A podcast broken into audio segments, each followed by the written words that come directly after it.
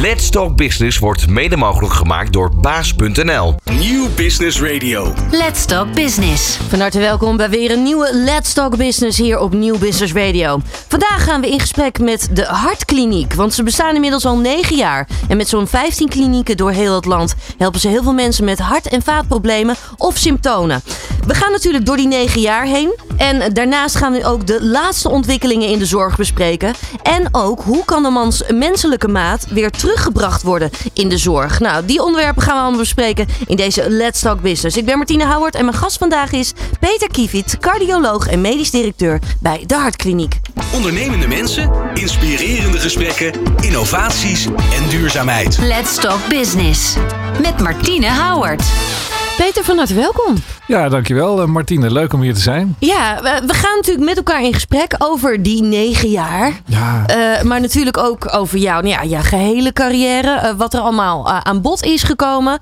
Maar natuurlijk ook over de zorg. En juist die menselijke maat. Hè, die weer terugkrijgen in de zorg. Dat is een heel belangrijk iets voor jullie. ja dat is absoluut heel belangrijk, vinden wij. Eh, je merkt, en dat merken we ook als de patiënten bijvoorbeeld die in het ziekenhuis geweest zijn bij ons in de hartkliniek komen, dat eh, ze vaak heel goed behandeld zijn, maar dat ze toch vaak nog vragen hebben. Het gevoel hebben dat ze toch weinig aandacht eh, kunnen krijgen soms van dokters, omdat er weinig tijd is. Ja. En eh, wij vinden het heel belangrijk om juist voldoende tijd eh, voor de patiënten in te plannen. Dus eh, langere consulten, zeg maar. Mhm. Meteen de onderzoeken ook te doen die nodig zijn. En meteen ook de patiënt de uitslag te geven. Zodat ze ook niet lang daarover in onzekerheid hoeven te zijn. En nou ook op andere, in andere vakgebieden, ook bijvoorbeeld bij huisarts, is ook gebleken als dokters meer tijd hebben voor patiënten, dat dat de kwaliteit van de zorg ten goede komt. Dat wordt heel erg gewaardeerd door de patiënt en ook door de dokters, eigenlijk door alle partijen. Ja. En het levert ook eh, minder onnodige zorg op. Hè, Dus mensen hoeven minder vaak dan eh, doorverwezen te worden of extra onderzoeken te krijgen. Doordat er ja, veel aandacht wordt besteed in het eerste consult. ja, dus het werkt uiteindelijk ook efficiënter. Uiteindelijk werkt het ook e- efficiënter. Je investeert zeg maar eerst door genoeg tijd te nemen. En eh, uiteindelijk betaalt zich dat terug. Ja. Absoluut. Ja. Ja. Ja. Dat is natuurlijk wel altijd het mooie. Hè? Dat het, het lijkt misschien wel in eerste instantie, ja, dat kost allemaal heel veel tijd. Maar uiteindelijk werkt het ook weer efficiënter. Omdat mensen gewoon beter weten, denk ik, ook waar ze aan toe zijn. En wat belangrijk is in het hele proces. Ja, zeker. Dus als je een eerste, eerste consult eh, veel aandacht geeft, goed uitvraagt, patiënt ook goed leren kennen. Hè, dat je weet van nou, wat is belangrijk voor deze persoon. Ja. En dan eh, kun je gerichte adviezen geven. En dan zie je dat er daarna minder ja, nieuwe vragen komen. En dat je dus heel duidelijk een, een beleid kunt uitstippelen. Waardoor er minder eh, noodzaak is om veel herhaalconsulten bijvoorbeeld eh, te doen. Ja, helder. Jullie zijn een, eh, een landelijke organisatie van kleinschalige zelfstandige behandelcentra voor hart- en vaatziekten. Eh, we hadden het al juist al, hè? Die, juist die persoonlijke en holistische aanpak, die staat heel erg voorop. Als we daarnaar kijken, hè? jullie bestaan nu zo'n negen jaar. Ik kan me zo voorstellen dat je in die negen jaar toch ook wel heel veel verschillende dingen al hebt meegemaakt, zeg maar. Is de kijk op hart- en vaatziekten veranderd in de afgelopen negen jaar? Nou, als je ziet. ehm, kijk, eh, ha- om even, even in de sch- geschiedenis te gaan. hè, Negen jaar geleden. Hartkliniek is eh, opgericht door twee cardiologen. eh, Menno Baars en Chris Hy. Mhm. En eh, Willem Baars, de, de broer van Menno Baars, die heeft eh, daar ook enorm bij geholpen. Dus die drie zijn eigenlijk de oprichters. Ja. En Menno Baars en Chris Hy, die werkten aanvankelijk in het ziekenhuis in, eh, in eh, Lelystad. En eh, ja, die merkten toch hè, dat, eh, dat ze toch weinig aandacht aan de patiënt konden besteden. Dat er veel productie gedraaid moest worden in het ziekenhuis. En eh, ja, dat, eh, dat dat niet eh, bevredigend was. Zowel niet voor de dokters als ook niet voor de patiënten. En Ja. dat er dus, ja, toen hebben we ge- gedacht van nou ja, we moeten dit op een andere manier gaan doen. Er is eigenlijk meer nood om meer aandacht aan die patiënt te, te geven. En meer echt te gaan dokteren, zeg maar. Dus dat je als cardioloog ook echt veel meer rechtstreeks contact hebt met de patiënt. En zo zijn ze eigenlijk toegekomen om die kleinschalige klinieken eh, te gaan stichten. En dat is natuurlijk eerst begonnen met eentje. Eh, aanvankelijk was nog helemaal niet gedacht dat het zo'n grote organisatie zou worden. Dus ze zijn met eentje begonnen in Almere. Maar meteen werd al duidelijk dat dat eh, ja, heel goed werkte en dat dat enorm werd eh, gewaardeerd. En ja, langzamerhand zijn we dus eh, doorgegroeid. Nou, wat jij, wat jouw vraag eigenlijk was: van wat is er nou veranderd eh, in de afgelopen jaren in de zorg? Wat ik vooral merk is dat er steeds meer aandacht is voor uh, preventie. Hm. En dat dat ook heel belangrijk is. We zien ook dat die zorgkosten de pan uitreizen. Dus dat we het eigenlijk allemaal ook niet meer kunnen betalen. Dus dat het heel belangrijk is van wat is nou de beste manier om de zorgkosten naar beneden te krijgen. Is om te zorgen dat mensen niet ziek worden. Ja. En uh, wij zitten als hartkliniek zien we vaak mensen die wel bijvoorbeeld risicofactoren hebben. Ofwel klachten, maar nog geen ernstige problemen. Dus wij zitten echt op een plek waar we heel veel uh, impact kunnen hebben wat betreft uh, leefstijladviezen en preventie. Dus ik denk dat we op die manier ook op de lange termijn een hele goede bijdrage kunnen leveren aan uh, het voorkomen van uh, hartproblemen. Ja. En uh, dus daar, daar, daar richten wij ons veel op. Dus op de preventie. En uh, dus het gaat over voldoende bewegen, gezond eten, niet roken. Uh, kijken of mensen geen hoge bloeddruk hebben, weinig alcoholgebruik. Nou, het zijn allemaal dingen die we allemaal wel weten. Maar ja, je merkt ook dat eh, als een patiënt bij de dokter is en de dokter zegt het, dat dat wel meer impact heeft dan als je vrouw het zegt. Ik wou net zeggen, ja. dat is toch anders, hè? Dat is toch anders. En dat, daar is ook onderzoek naar gedaan. Dat blijkt ook echt zo te zijn. En bijvoorbeeld alleen stoppen met roken bijvoorbeeld. Als, als een dokter dat zegt, dan, ja, dan uh, gaan er meer mensen stoppen dan uh, als je daar met je vrienden in de kroeg uh, over ja. hebt. Ja, ja. ja ik, heb het, ik heb het thuis ook meegemaakt inderdaad. ja, dat mijn moeder het wel ervaring. tegen mijn vader zei. Ja. maar pas toen de dokter het zei, toen werd het Precies. echt menens. Ja. Inderdaad, ja. ja dus um, het is interessant om dat te zien. Als we kijken naar preventie, hè, dat is puur een, een, een persoonlijke mening. Voor mijn gevoel is het toch meer bekend geworden de afgelopen, nou ja, tien jaar, laten we even zeggen. Als het gaat om preventie, als het gaat om gezondheid. Hoe kijk jij daarnaar? Ja, nou, ik ben het met je eens. Ik denk dat er veel meer aandacht is? Ook, uh, ook in de politiek. En uh, kijk, waar wij als dokters een beetje tegenaan lopen, wij willen eigenlijk veel meer inzetten op leefstijl en preventie. Alleen ons hele zorgsysteem is gebaseerd op andere dingen. Die, wij uh, worden betaald door dingen te doen. Klopt. En uh, misschien moeten we ook gaan nadenken of we misschien uh, ook betaald zouden kunnen krijgen als wij dingen kunnen voorkomen en mensen goede adviezen geven. Hè. Ja. Daar moet je natuurlijk met zorgverzekeraars en met, met politiek uh, over praten. Van hoe kunnen we dat inregelen. Maar ik denk dat dat ja, hè, natuurlijk het allerbelangrijkste is om te voorkomen dat we ziek worden. Hè. En dat we eigenlijk onszelf bijna overbodig zouden maken als dokters. Het zal natuurlijk nooit helemaal lukken. Maar het mooiste is natuurlijk als, uh, als mensen niet ziek worden. Nee, klopt. Ja. Want hart- en vaatziekten staan ons steeds echt bovenaan. Hè, als het gaat uh, om, om, nou ja, om waar mensen om overlijden. Zeker. Uh, samen met kanker is dat nog steeds echt, zijn dat wel de twee belangrijkste. Um, kun je zeggen uh, dat de mens zelf, zeg maar, dus even buiten de politiek en buiten de zorg om, daar wel steeds meer mee bezig is? En, en vraagt hij nu ook sneller om hulp? Want ik kan me ook zo voorstellen dat ze sneller dan ook bij jullie terechtkomen. Ja, nou goed. Eh, mensen vragen sneller om hulp. Ik denk dat dat wel. Het ligt ook een beetje de maatschappij waar we in leven, natuurlijk. Als je iets hebt of denkt iets te hebben of advies wil, dat je dan uh, ja, graag snel geholpen wil worden en snel ergens terecht wil kunnen. Mm -hmm. en, nou, dat kunnen wij zeker uh, bieden als hartkliniek. Wat misschien ook nog een leuk iets om te zeggen is: je had net van er is veel meer bekend over hart- en vaatziekten. En waar wij ons vooral ook als hartkliniek bijvoorbeeld op richten, is hartproblemen bij vrouwen. Ja. En uh, die zijn ook veel meer in de aandacht uh, gekomen. Steeds hè. meer.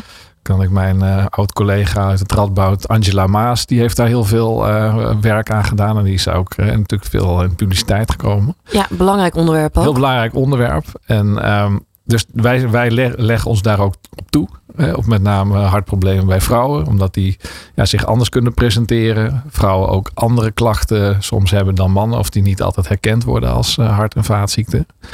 En, en vrouwen hebben denk ik hun rol in onze maatschappij. Die is ook uh, anders dan mannen. En vaak zijn vrouwen toch degene die uh, ja, de multitaskers zijn. Hè? Meer nog dan de mannen. Hè? Want ze, ze hebben een partner, ze hebben een baan, ze hebben kinderen. Ze zijn soms ook nog mantelzorger. Ja. En ze willen ook nog uh, leuke dingen doen met uh, vriendinnen. Nou, er zijn een heleboel balletjes die je in de lucht moet houden. Maar dat kan op een gegeven moment, als het te veel is, natuurlijk ook best uh, stress opleveren. En dat kan soms ook weer klachten op, uh, opleveren. Dus dat zijn ook dingen waar wij, het heeft eigenlijk ook een beetje met leefstijl te maken. Het kan natuurlijk zijn, je kunt een heleboel leuke dingen doen. Maar ik zeg altijd, ja, daar zijn we als mensen niet op gemaakt. We moeten ook af en toe een beetje rust nemen en kunnen ontspannen. Ja, dat is het, hè? Want we denken heel vaak ook bij hart- en vaatproblemen, oh, dan gaat het om voeding of het gaat om beweging. Maar juist ook het mentale deel, hè? het uh, aantal, of in ieder geval de hoeveelheid stress, is ook een heel belangrijk eh, aspect. Ja, is ontzettend belangrijk. Nou, en er zijn natuurlijk op dit moment zoveel dingen gaande. Hè. We hebben natuurlijk eerst uh, corona gehad. Nou ja, we hebben nu, uh, hè, noem maar op, de oorlog in Oekraïne, de ja. stikstofcrisis. nou, ik hoef het niet allemaal te noemen. Het is denk ik bij iedereen wel bekend hoeveel stressvolle dingen er zijn. Mm -hmm. En dat is dan allemaal nog in de buitenwereld. En dan heb je natuurlijk nog in je eigen wereld, kan, kan er ook van alles gaande zijn. hoge energieprijzen en dergelijke. Dat levert mensen allemaal stress op. En je ziet ook, hè, en dat is wel iets wat, uh, waar we steeds meer zien dat. Um, en dat ook andere dingen een rol spelen. Economische factoren. Hè. Mensen die dus uh, goed inkomen hebben, goede baan, uh, die, die zijn vaak gezonder. Hè. En die, die, kunnen ook een gezondere leefstijl aanhouden en zich permitteren. En je ziet mensen die het juist wat moeilijker hebben, ook sociaal-economisch, dat die vaak ook minder gezond leven. Dat het vaak meer uh, gerookt wordt, uh, meer alcoholgebruik, maar ook uh, ongezonder wordt gegeten. Ja.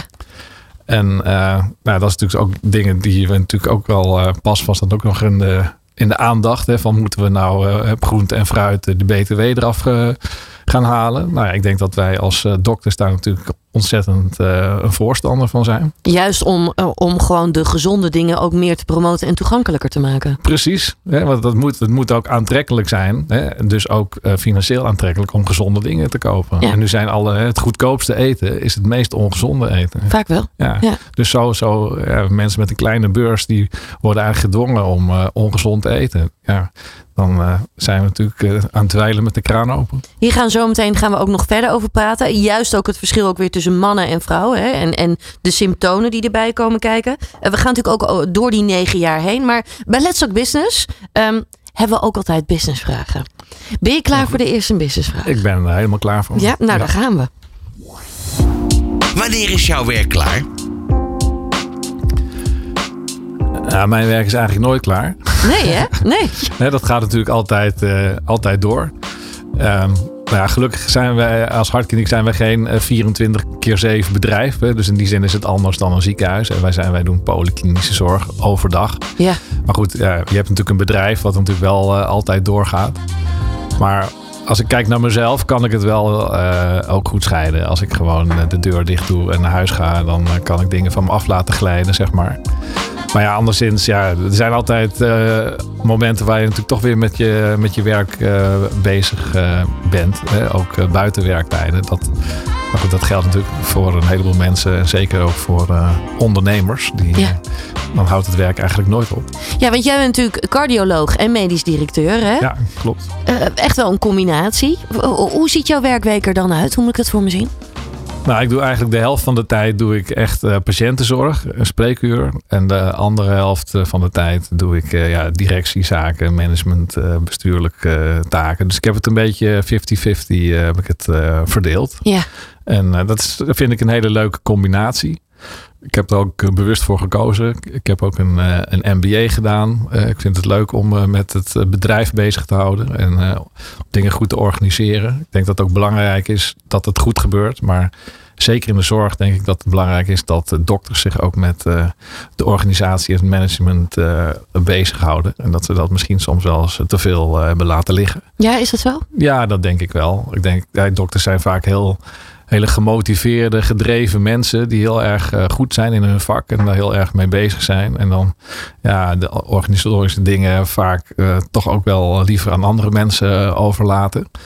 Dat kan natuurlijk soms gunstig zijn, maar het kan ook soms dat er dingen dan worden besloten ja, waar je het eigenlijk niet zo mee eens bent. En dat je denkt van ja, dat hadden we misschien vanuit medisch oogpunt anders willen doen. Wat vind jij dan belangrijk in de organisatie, juist bij de hartkliniek? Nou, juist bij de hartkliniek. Ik denk wij moeten er in ieder geval voor zorgen. Wat ook een van onze belangrijke speerpunten is dat we eh, korte wachttijden hebben. Dat de patiënten altijd snel uh, bij ons uh, terecht kunnen. Ja. en we zorgen er ook voor dat je dan meteen je onderzoeken krijgt. Dus korte wachttijden, korte doorloop qua onderzoeken. En natuurlijk die persoonlijke aandacht daarvoor geven. En ja, ik denk altijd als ik soms een probleem heb in de kliniek of zoals je moet nadenken van uh, een bepaalde keuze moet maken, dan denk ik altijd van, ja, waarvoor zitten we hier? We zitten hier voor de patiënt. Wat is nou het belang van de patiënt? En dat helpt heel vaak om uh, mij de weg te wijzen van eh, wat de goede beslissing is. Ja, echt weer terug naar de kernwaarden. Ja, en ik zie zeker, eh, vaak zijn mensen en ook dokters heel erg met zichzelf bezig. Eh, dat, die neiging hebben we natuurlijk allemaal een beetje. Maar soms is het goed om even een stapje terug te doen en even te kijken van, oh ja, waarom zitten we hier ook alweer? Waarom doen we dit? En eh, voor wie doen we dit? Ja. En nou, dat, dat maakt dingen vaak heel, eh, heel helder en scherp. En dan kan je ja, de juiste keuzes maken. Ja, mooi. We gaan zo meteen eh, ook eventjes terug de tijd in. Dat gaan we doen in het tweede deel hier bij Let's Talk Business. En dan komen we nog meer over de hartkliniek te weten, maar ook over jouzelf. Nieuw Business Radio. Non-stop lekkere muziek voor op het werk en inspirerende gesprekken. Ja, je luistert nog steeds naar Let's Talk Business. We zijn inmiddels toegekomen aan het tweede deel. En eh, Peter, dan gaan we altijd eventjes terug de tijd in. Eh, want jij bent eh, nu inmiddels cardioloog en medisch directeur bij de Hartkliniek. Ehm, maar dat was natuurlijk ooit anders. Je hebt heel, heel veel ervaring opgedaan, juist ook op dit vlak. juist op andere plekken. Laten we even teruggaan naar toen je een klein jongetje was. Wist je toen al dat je eigenlijk wel echt mensen wilde gaan helpen in de zorg? Nou, mijn eh, belangstelling om dokter te worden is denk ik ongeveer op de middelbare school. eh, het ontstaan. begonnen? Daar is het een beetje begonnen. Was er een, een bepaald moment dat je dacht, ja, dit is het? Nou, een, eh, een bekende eigenlijk van mijn ouders, die, die werkte in het ziekenhuis als dokter. En ehm, nou, dat, leek mij op zich wel interessant. Hadden we het wel eens over gehad. En toen kreeg ik als jochie van 14 of zo een keer een mogelijkheid om een keer een avonddienst eh, mee te lopen in het ziekenhuis. Dus eh, echt zo'n eh, witte jas mocht ik aan en zo. En dan mocht ik dus meelopen met die dokter. Ik weet nog wel dat patiënten ook reageerden van nou, eh, die dokters die worden wel steeds jonger eh, nu. ik was natuurlijk gewoon nog een, eh, een scholier. Ja. Maar dat was eigenlijk mijn eerste aanraking met ehm, ja, de medische wereld. En toen dacht ik van nou, dit, ja, dit lijkt me eigenlijk wel heel leuk. En ja, het mooie natuurlijk van eh, dokter zijn is dat je echt concreet iets kunt doen hè, voor mensen. Dat je niet, niet eh, hoeft na te denken over de zin van je werk. Hè. Dat dat gewoon heel helder is. Dat vond ik ook altijd eh, fijn. En eh, ja, het, vanaf het eerste moment van mijn opleiding was het hart wel hetgene wat mij het meest aansprak. Wat is dat dan? Nou, ik weet nog wel dat er dan bij anatomieles op de snijzaal, dat ik dan sta je met zo'n keer met zo'n hart in je handen, dat ik dacht van ja, ja, ja hier draait het allemaal om. Hè. Als, als deze het niet meer doet, dan, eh, ja, dan is het klaar. En, en het is natuurlijk een heel interessant orgaan. Hè. Er wordt natuurlijk er zit een klep in, en er wordt bloed eh, rondgepompt door het hart. En, en er zit een hele ja, elektriciteit zit er in het hart. Hè. Dus eh, de, het geleidingssysteem. En dan zitten er ook nog bloedvaten om het hart, die het hart zelf van bloed en zuurstof voorzien. Dus het is een heel interessant orgaan met een heleboel verschillende aspecten. Ja. Dus dat maakt het heel leuk. En anderzijds is het ook weer eh, afgrensbaar. Want je kunt ook als dokter zeggen van, nou, met het, het is in ieder geval, we hebben het hart onderzocht. En dat is gewoon goed. Hè? Dat je kunt voor jezelf ook een beetje kunt afbakenen. Ja. Hè, sommige vakken, bijvoorbeeld internist, vond ik dan wat dat betreft altijd lastiger. Ik dacht van ja, daar komt eigenlijk geen eind aan. Hè. Er is het, eh, het kan van alles zijn. Dus dat vond ik wel prettig eh, van, het, eh, van het hart. Is dat, is, dat, is dat ook iets wat heel erg bij jou past? Dus die bepaalde focus, zeg maar. Van nou, oké, dit, dit is het, zeg maar. Hier wil ik me echt op richten. dat ik dat heel prettig vind. Dat het gewoon eh, afgebakend is. Maar dat je wel, er moet wel voldoende diepte zijn Ja. binnen dat eh, gebied dus natuurlijk. die combinatie. Die combinatie. En het mooie van eh, cardiologie is ook dat we heel veel onderzoeken en, en eh, behandeling allemaal in eigen beheer hebben. Dus dat we dat allemaal zelf doen als cardioloog. En dat we daar niet andere specialisten voor nodig hebben, zeg maar. Dus het is een heel zelfstandig eh, vak. En ja, een dat stukje vrijheid misschien. stukje ook wel. vrijheid. En je ziet ook wel dat dat ook bepaalde mensen aantrekt. Je ziet ook dat cardiologen over het algemeen wel ondernemend zijn. Zeker ten opzichte van andere specialismen. Mhm. En eh, dat heeft ook af en toe zijn kanten die ook wel eens in de publiciteit komen. die misschien eh, niet door iedereen als positief worden ingeschat. Maar, maar zeker ook op het gebied van onderzoek en zo zijn cardiologen heel eh, ondernemend en innovatief. En eh, ja, dat, dus het is een, een prachtig vak. En, en ja, ik vind het nog steeds hartstikke leuk. Interessant vind ik het wel, hè? Omdat, omdat ja, daar sta je misschien niet zo altijd bij stil. Maar dat is natuurlijk omdat ieder orgaan dat, nou, dat heeft ze bepaalde, bepaalde kwaliteiten. Dus trekt het ook bepaalde mensen ook weer aan. Ja. Wat dat betreft. Maar dat is echt, echt zo. Als je in het ziekenhuis rondloopt bijvoorbeeld, dan kan je echt eh, onderscheid maken tussen verschillende specialismen, dat dat verschillende soorten typen zijn. Hè? Ja. De chirurgen zijn echt eh, mensen, die zijn heel praktisch, die willen handelen, zijn vaak ook een beetje de stoere mensen. En de internisten en de neurologen, dat zijn helemaal de analytische mensen, die willen nadenken en, en die altijd nog van ja, misschien dit of misschien dat. Cardiologen zitten er een beetje tussenin. Die hebben enerzijds willen zijn ze heel daadkrachtig, maar aan de andere kant hebben wij ook een, ja, een vak waar je ook over moet nadenken. Dus wij hebben zeg maar een chronische kant van het vak en een acute kant. Ja. En, dus dat maakt het vak eh, ja, heel interessant. Maar goed, ja, er zijn dus heel veel verschillende soorten eh, dokters. Maar ja, wat we natuurlijk als dokters niet moeten vergeten, dat we eh, ook eh, buiten over de hekken van ons eigen vakgebied heen kijken, zeg maar. En niet alleen maar eh, staren op, op je eigen postzegeltje. Dus dat we wel aandacht houden voor de gehele mens, hè, die holistische blik. En, en dat eh, is ook iets wat we bij Hartkliniek natuurlijk ook eh, voorstaan om daar eh, aandacht aan te besteden. Ja. Ja. Nu heb je op verschillende plekken heb je ook gewerkt. Hè? Onder andere ook bij het, het Radboud. Ehm, je bent ook mensen op gaan leiden, heb ik ook begrepen. ja, hè? klopt. Ja. Ehm, waar zit het hem in? Hè? Dat is een bepaalde drive dus ook echt. Dat je bepaalde kennis ook weer door wilt geven. Kan ik dan ook zo voorstellen. Ja, dat is heel leuk om eh, jonge mensen op te leiden. Die zijn natuurlijk, die, eh, die komen net uit de collegebanken, die komen aan het ziekenhuis in, die zijn heel enthousiast en, eh, en die, die willen graag dingen leren. En het is leuk als je je eigen ervaring kunt overdragen aan jonge mensen, zodat die daar ook weer ja, hun voordeel mee kunnen doen, zeg maar. En het houdt je ook scherp, hè? want eh, ja, jonge mensen die zijn soms ook eh, veel slimmer weer dan eh, de oudere garde. Of soms ben je geneigd dat je een beetje in je comfortzone zit en het kalmt allemaal weer. Ja, En dan komt er zo'n jonge dokter ineens allemaal moeilijke vragen aan je stellen. En dan denk je je, denkt, oh, wacht even. dat is eigenlijk wel een goed punt. Ja, daar hebben we, hebben we er eigenlijk wel al eens goed aan ge- gedacht. En zo kom je dus ook verder. Hè? Dus je moet er ook een beetje voor openstaan natuurlijk. Ben jij daar ook vaak naar op zoek? Naar nieuwe oplossingen of innovatieve dingen? Is dat iets wat bij jou past? Nou, laat ik zo zeggen, ik ben niet per se de man eh, die altijd de, de nieuwe ideeën zelf heeft. Hè. Bijvoorbeeld bij, bij is bijvoorbeeld Menno Baars is iemand die heel veel eh, ideeën altijd heeft. Maar ik denk dat ik wel goed in ben om eh, de juiste ideeën eruit te kunnen pakken van die we echt kunnen toepassen en die echt zinnig zijn. En, waar je, en, en om dan die ook tot een concreet plan om te zetten. Hè. Ja. Want dat is natuurlijk ook vaak belangrijk. En daarom is het mooi als je bijvoorbeeld, wat wij dus ook hebben in ons bestuur, dat je complementair bent aan elkaar. De een heeft heel veel ideeën en de andere kan zo zeggen van oké, nou, eh, dus af en toe moet ik ook tegen Menno zeggen, ja Menno, je hebt echt fantastische ideeën, maar dit gaat gewoon echt eh, niet gebeuren. En eh, ja, soms is het natuurlijk wel eens jammer. Maar aan de andere kant ook wel weer dat, ik, dat hij mij wel weer triggert. Dat ik denk van, oh ja, dat, eh, hij heeft ook wel weer goede ideeën waar we echt wat mee kunnen. Ja. En, ja, we, we moeten natuurlijk toch altijd vooruit. Je, Dat kunt, je kunt niet stil blijven staan. En eh, je, ziet, je ziet ook, eh, zeker als het hartkliniek, wat, je, wat we ook gedaan hebben. Je moet ook gewoon dingen gaan doen. En dat is vaak ook hetgene. Heel vaak wordt er heel erg gepraat over plannen en wat je zou kunnen doen. En wat ik bijvoorbeeld in, in zo'n Radboud, het is natuurlijk een prachtig ziekenhuis, maar het is een hele grote logge organisatie. Dus als je daar iets nieuws wilt gaan doen, nou moet het over heel veel schrijven. Duurt even. Duurt even. Als je, en dan kan het ook nog op het laatste moment zeggen van nou, dat was een goed idee, maar dat gaan we toch niet doen. Ja. En ja, in zo'n kleine organisatie ben je veel slagvaardiger.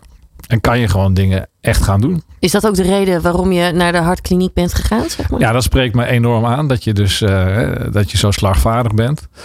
En dat we daardoor dus ook eh, ja, dingen kunnen doen, snel kunnen groeien. En, en je ziet ook eh, dat je moet soms niet eh, toestemming gaan vragen aan mensen of die het ermee eens zijn. Maar je moet gewoon dingen gaan doen. Ja. Kijk, als we als hartkliniek in alle regio's waar wij een nieuwe kliniek gestart hebben, naar het ziekenhuis waren toe gegaan van goh, vinden jullie het goed idee als wij hier ook komen?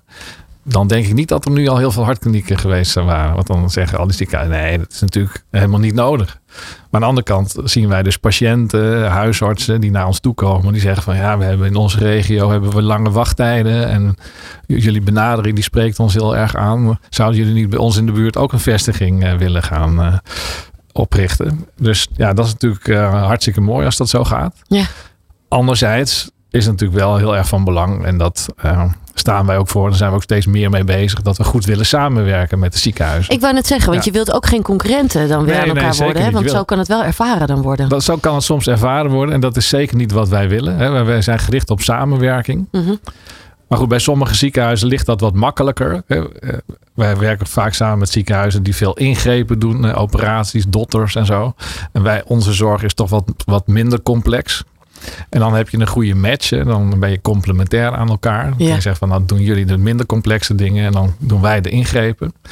Maar bij ja, andere ziekenhuizen ligt dat soms een beetje wat lastiger. Hè. Dan, dan ziet men elkaar toch als concurrent. En ja, ik denk eigenlijk dat we daar een beetje van af moeten eh, in de zorg. Hè. Er zijn allemaal, eh, we zien de, de, eh, de- het wordt heel duur. Er zijn wachttijden. Er zijn mensen tekort. Dus zijn je zou ook tekort. denken, joh, Dus we moeten eigenlijk samenwerken is precies, cruciaal. We moeten de armen ineen slaan. En alleen moeten de juiste dingen op de juiste plek doen. En dat is dus, hè, dat wil ik wel benadrukken, dat wij echt eh, met iedereen willen samenwerken om te zorgen dat we de zorg voor de hartpatiënten zo goed mogelijk eh, kunnen regelen in Nederland. Ja. Ja. ja. Als je kijkt hè, naar de afgelopen vijf jaar. Wat is dan het belangrijkste leermoment voor jouzelf geweest? Nou, wat, wat een belangrijk moment is geweest bij Hartkliniek, denk ik, is dat we. ehm, We zijn natuurlijk ontzettend snel gegroeid. En ehm, wat dan ook van belang is, dat je organisatie ook mee moet groeien. Hè? Die moet ook eh, professioneler worden. Mhm. En je hebt dan het, het begin natuurlijk klein. Hè? Er zitten de mensen van, van het eerste uur zitten daarbij. Die hebben natuurlijk fantastisch werk gedaan. Maar op een gegeven moment, als je groter wordt en je wordt professioneler, dan zijn er ook weer ja, andere vaardigheden, competenties nodig. Heb je weer, ja, moet je toch meer gaan organiseren, meer gaan structureren. Dat is ook een beetje de fase waar we nu in zitten. Dat we nu merken van ja, we zijn zo hard gegroeid. We moeten nu een beetje temporiseren. Ja, En zorgen, standaardiseren misschien ook wel een beetje met bepaalde dingen. ja, en ook zorgen dat we onze organisatie, dat die toekomstbestendig is. Hè? Dus dat we het allemaal wel behapbaar blijft en goed kunnen sturen. Ja. Dus dat is, eh, dat is iets waar we op dit moment veel mee bezig zijn en wat ook belangrijk is. En, en eh, nou, ik denk dat we daar ook goede stappen in aan het maken zijn. En, eh, maar goed, dat zijn natuurlijk al die fases die je doorloopt hè, als bedrijf. Hè. Je hebt een start-up fase, scale-up fase. De ondernemers die zullen dat allemaal wel herkennen. En nou, dan is het ook goed hè, dat je dus, wat ik dus ook gedaan heb, een bedrijfskundige opleiding te doen. Dat je daar wat, wat kennis van hebt. Zodat je ook dingen kunt herkennen. En dat je denkt van, oh ja, wij zitten nu in deze fase. Dat betekent dat er hele andere dingen nodig zijn dan in een eerdere fase.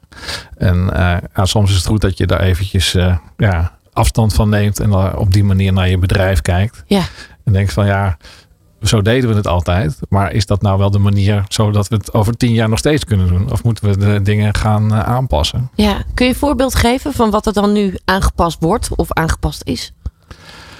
Eh, moet ik eventjes denken of ik daar een heel eh, concreet voorbeeld eh, van kan nemen. Maar het is, kan misschien meer in het algemeen zeggen dat we steeds meer duidelijk ons concept steeds scherper kunnen, kunnen neerzetten. En dat we ook zien dat het dus heel belangrijk is dat wij op alle vestigingen toch op een uniforme wijze werken. En dus dat we dat heel strak inregelen, want dat is juist onze kracht. Ja. Maar anderzijds willen we natuurlijk wel eh, eh, vrijheid houden, eh, zodat in ieder geval wel de persoonlijke benadering eh, gehandhaafd kan blijven. Dus juist die combinatie van die twee Die combinatie. Want, eh, maar, maar dat we wat bedrijf betreft moeten zorgen dat alle processen heel goed lopen en dat die uniform zijn. Ja. En dat vind ik dus zelf ook leuk vanuit mijn rol.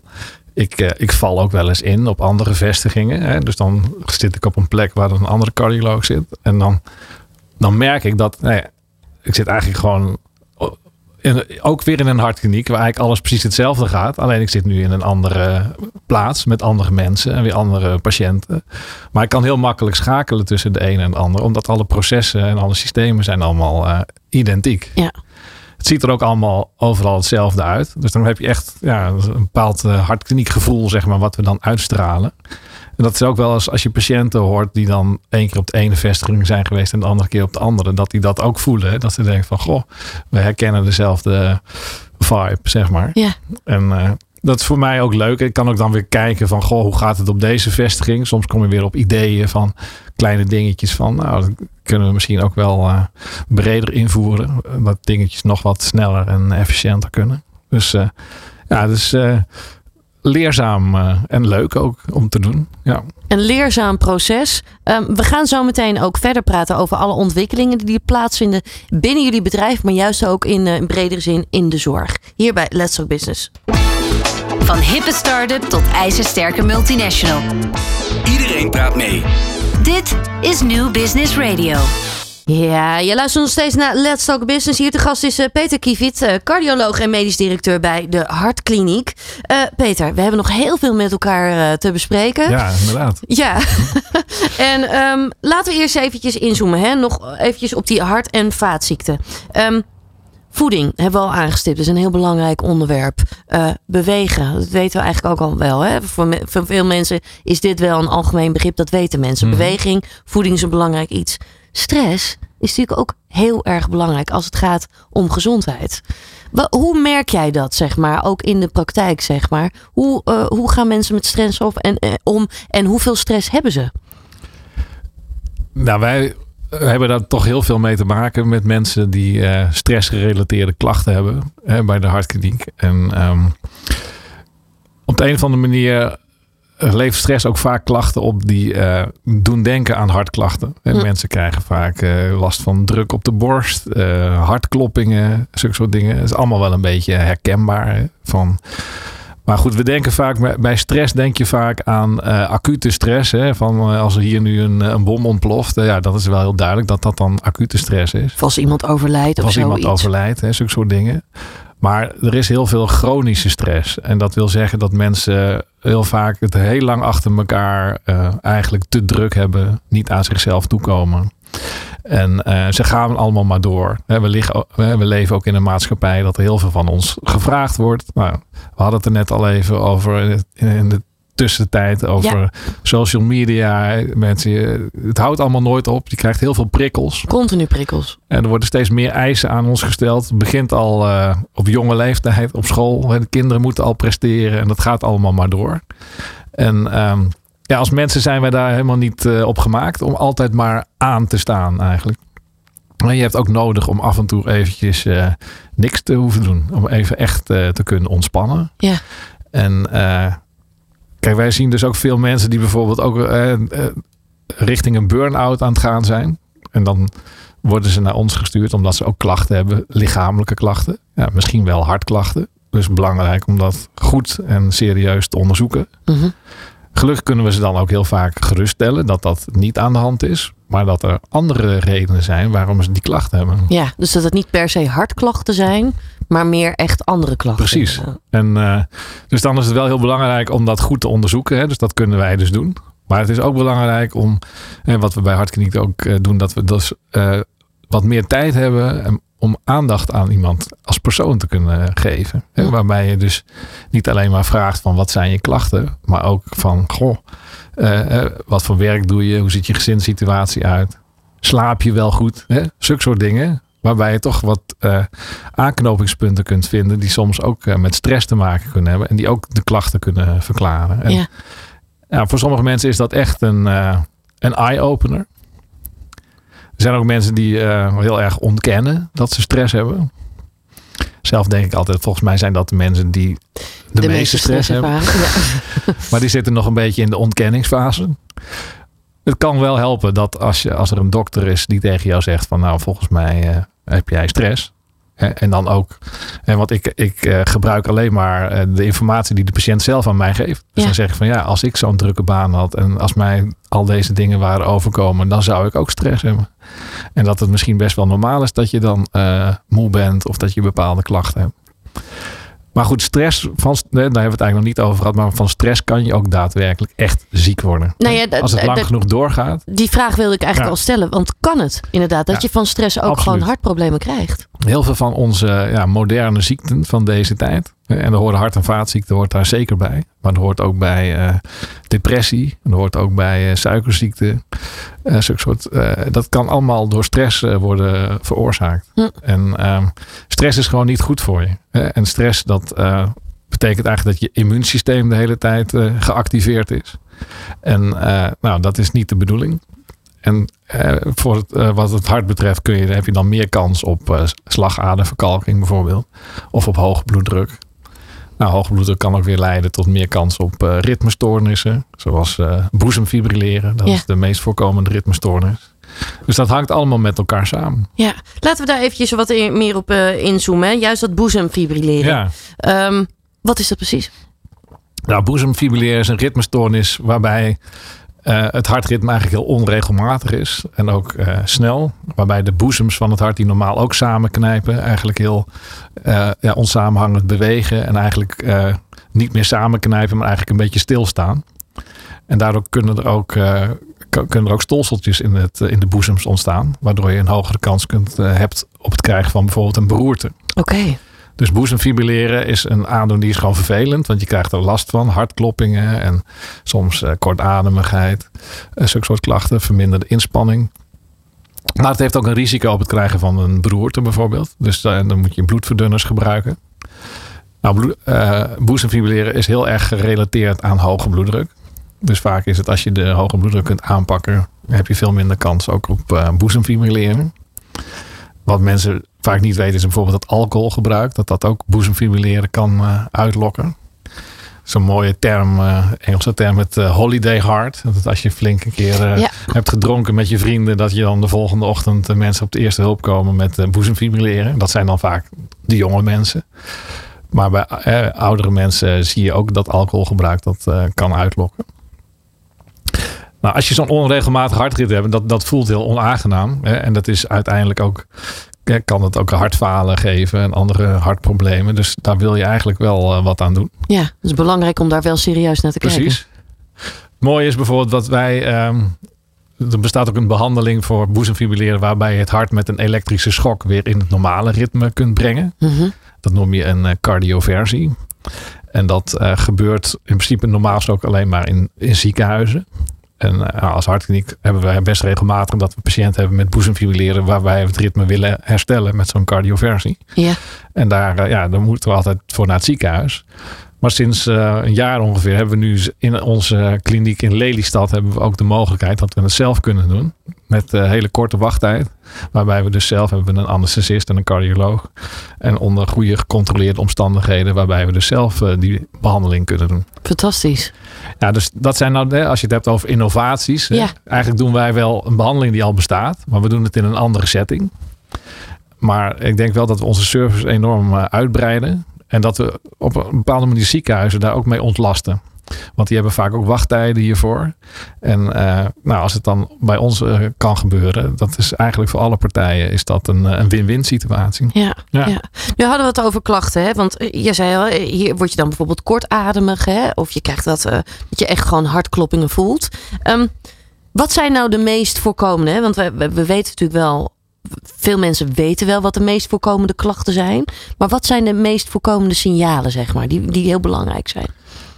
Nou ja, kijk, de, de klassieke hartklachten hè, zijn echt eh, zware pijn of druk midden op de borst. Ja. Dat kan uitstralen naar de linkerarm en naar de kaken. Hè, gebaard gaan met eh, misselijkheid en zweten. Hè. Dat zijn zeg maar de klassieke tekenen van een hartinfarct. Dan denk je natuurlijk ook snel, oké, dit Precies. is mijn hart. Ja. ja. Maar bijvoorbeeld bij vrouwen kunnen die klachten zich soms anders presenteren. Die hebben soms bijvoorbeeld pijn eh, tussen de schouderbladen. Of het gevoel dat de BH te strak zit. Hm. Of meer een kortademig eh, gevoel. En eh, kijk, de, de typische klachten van angina pectoris bijvoorbeeld. Dat zijn klachten van pijn op de borst. Eh, Die, ontstaan meestal gewoon bij inspanning. En, en de hartklachten bij vrouwen, die, die treden ook heel vaak op in rust. En dat heeft ook te maken met dat de, de oorzaak van de klachten bij mannen en vrouwen niet altijd hetzelfde is. Bij mannen zitten vaak in de grotere bloedvaten zitten vernauwingen. Waar je ook echt wat aan kan doen. Bijvoorbeeld met een dotterbehandeling of een bypassoperatie. Maar die grote bloedvaten die vertakken ook nog in kleinere bloedvaatjes. De kleine haarvaatjes zeg maar. En da- daar zit de problematiek vaker bij vrouwen. Hoe komt dat? Waardoor komt dat verschil? Ja, dat, dat weten we nog niet zo goed waarom dat zo is. We weten wel dat dat verschil er is. Ja. Eh, Het is ook niet een, een totaal verschil. hè, Dat het een alleen is bij mannen en het ander alleen bij vrouwen. valt wel er is op, natuurlijk ook maar. overlap, maar het valt wel op.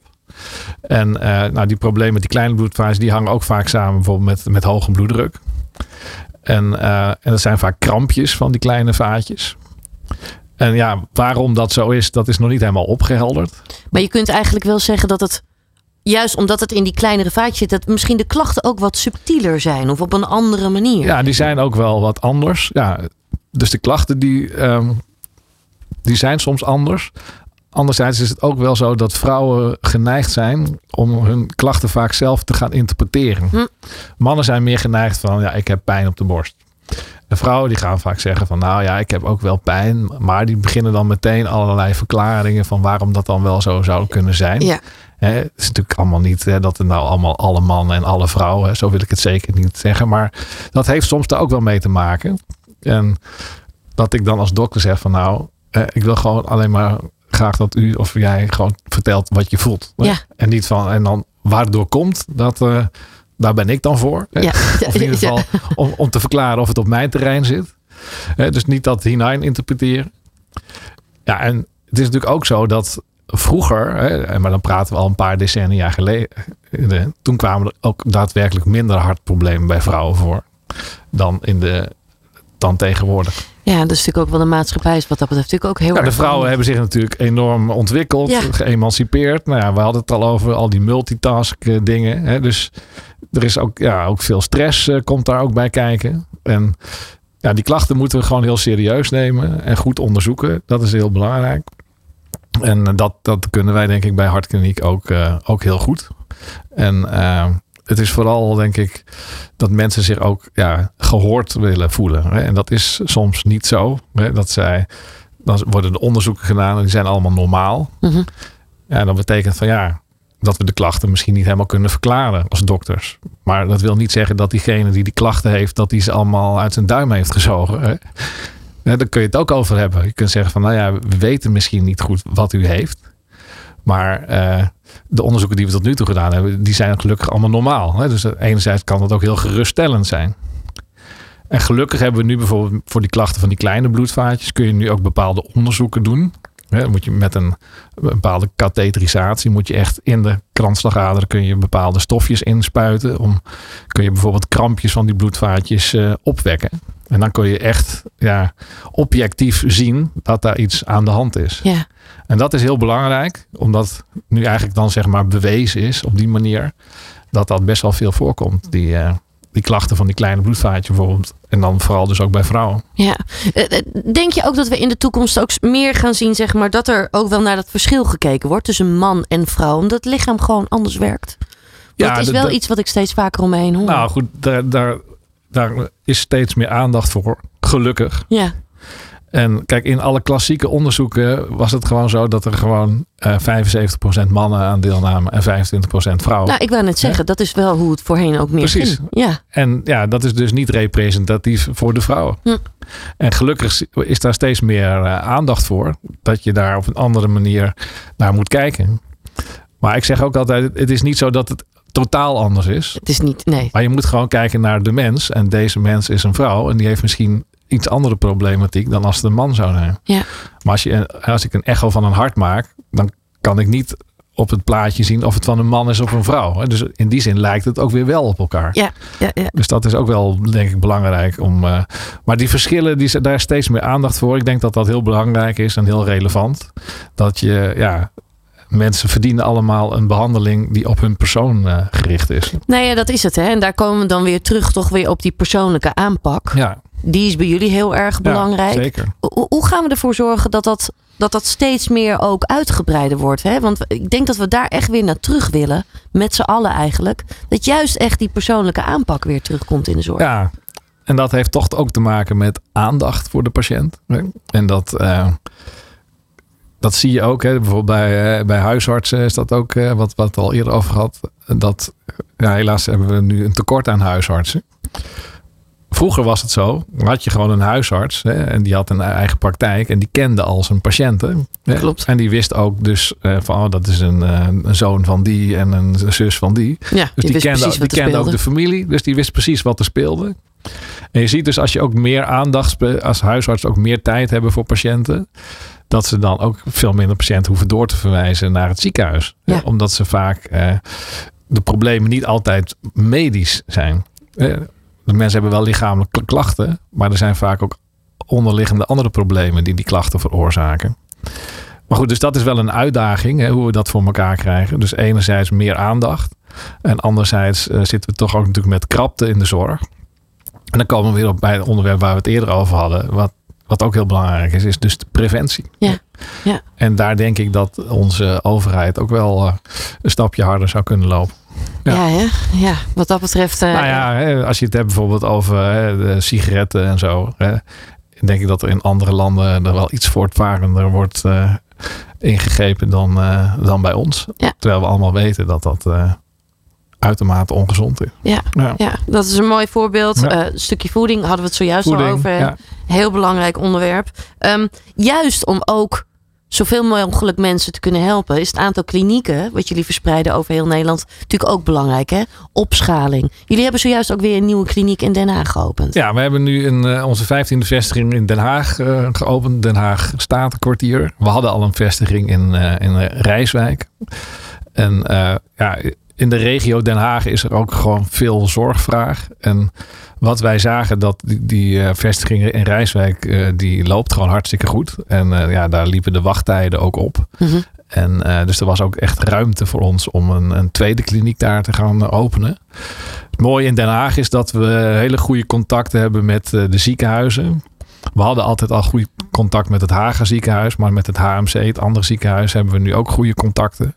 En dat is voor ons natuurlijk ook heel fijn. We kunnen natuurlijk zelf heel veel, maar we hebben die ziekenhuis ook nodig om, als er verder onderzoek nodig is of behandeling. En een goede samenwerking is dan uh, cruciaal. Dus die, die vestiging hebben we nu pas geopend.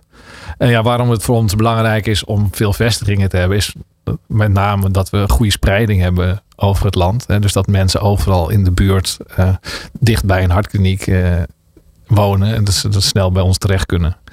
En wij willen graag uh, wat kleinschaligere vestigingen hebben. Zodat je niet het gevoel hebt dat je in zo'n groot ziekenhuis terechtkomt. Ik zeg altijd mensen die raken al in de stress in de parkeergarage. En dan komen ze in het ziekenhuis met al die bordjes. Waar moet ik naartoe? En bij ons zijn het vaak kleine vestigingen waar je soms voor de deur kunt parkeren. Waar het heel rustig is. En nou, mensen die, ja, die, als ze er binnenkomen, voelen ze zich dan vaak meteen uh, op hun gemak. Ja, juist ook belangrijk als juist het om je belangrijk. hart gaat, kan ik me zo voorstellen. Precies, want ze zijn al bezorgd. Ja. Misschien heb ik iets aan mijn hart. Ja. En ze krijgen dus uh, zelf altijd de cardioloog uh, te spreken. Die, die doet ook het onderzoek of die is erbij aanwezig en, en die doet het hele gesprek. Dus er is echt een uh, persoonlijke benadering. En ja, dat, dat werkt heel goed. En dus vandaar ook denk ik het succes wat wij tot nu toe hebben geboekt. Ja. ja. Nou, ik, uh, ik wil jullie daar ook nog heel veel succes uh, bij wensen. Ik vind het fantastisch wat jullie doen. Juist ook voor de verzekerde zorg. Maar juist ook op het gebied van uh, preventief onderzoeken. En, en, en mensen daar ook bij helpen.